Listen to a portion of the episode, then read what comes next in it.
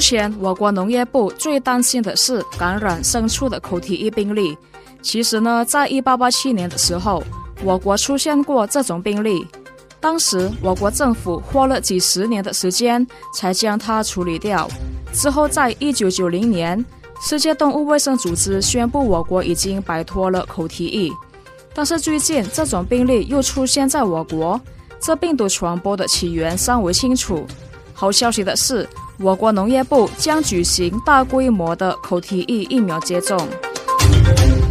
你正在收听的是幺零三点八 A Radio 新闻最前线的新闻短讲，我是柔秀。我国的公共关系和信息局局长 Gundoro Boga 表示，从六月十四号开始，我国农业部会举行大规模口蹄疫疫苗接种，以应对这种病例的爆发。在管理疫苗接种方面，农业部将与地区一级的应急响应站合作，疫苗将优先于高风险地区的健康牲畜。截至六月十二号，已经有三百万剂的口蹄疫疫苗通过苏加诺哈达机场抵达我国，将来还会有八十万剂的疫苗抵达我国。此外，我国农业部正在准备一种本地的口蹄疫病例。此外，我国农业部正在准备一种本地的口蹄疫疫苗，预计将于二零二二年八月底完成生产。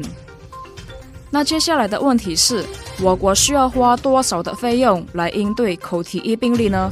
根据农业部的数据，农业部需要四点四十二万亿印尼盾以应对口蹄疫的爆发。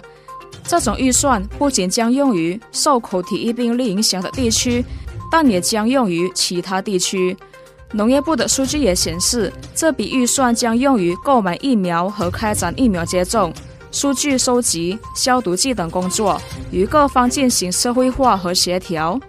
农业部也确保牛、绵羊和山羊的供应在宰牲节伊杜阿达期间是足够的，因此公众不要怕将没有获得足够的肉。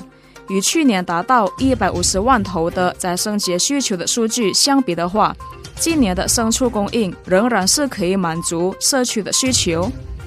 另外，关于应对口蹄疫病例的爆发，除了向牲畜接种疫苗等等，农业部也已经实施了多项政策法规以进行控制。像是第一，农业部在中央和地区层面成立了口蹄疫处理工作组；第二，农业部管制动物运输，尤其是那些从已经感染口蹄疫地区进入的动物。第三，农业部涉及当地政府以及警方来处理这种病例的爆发。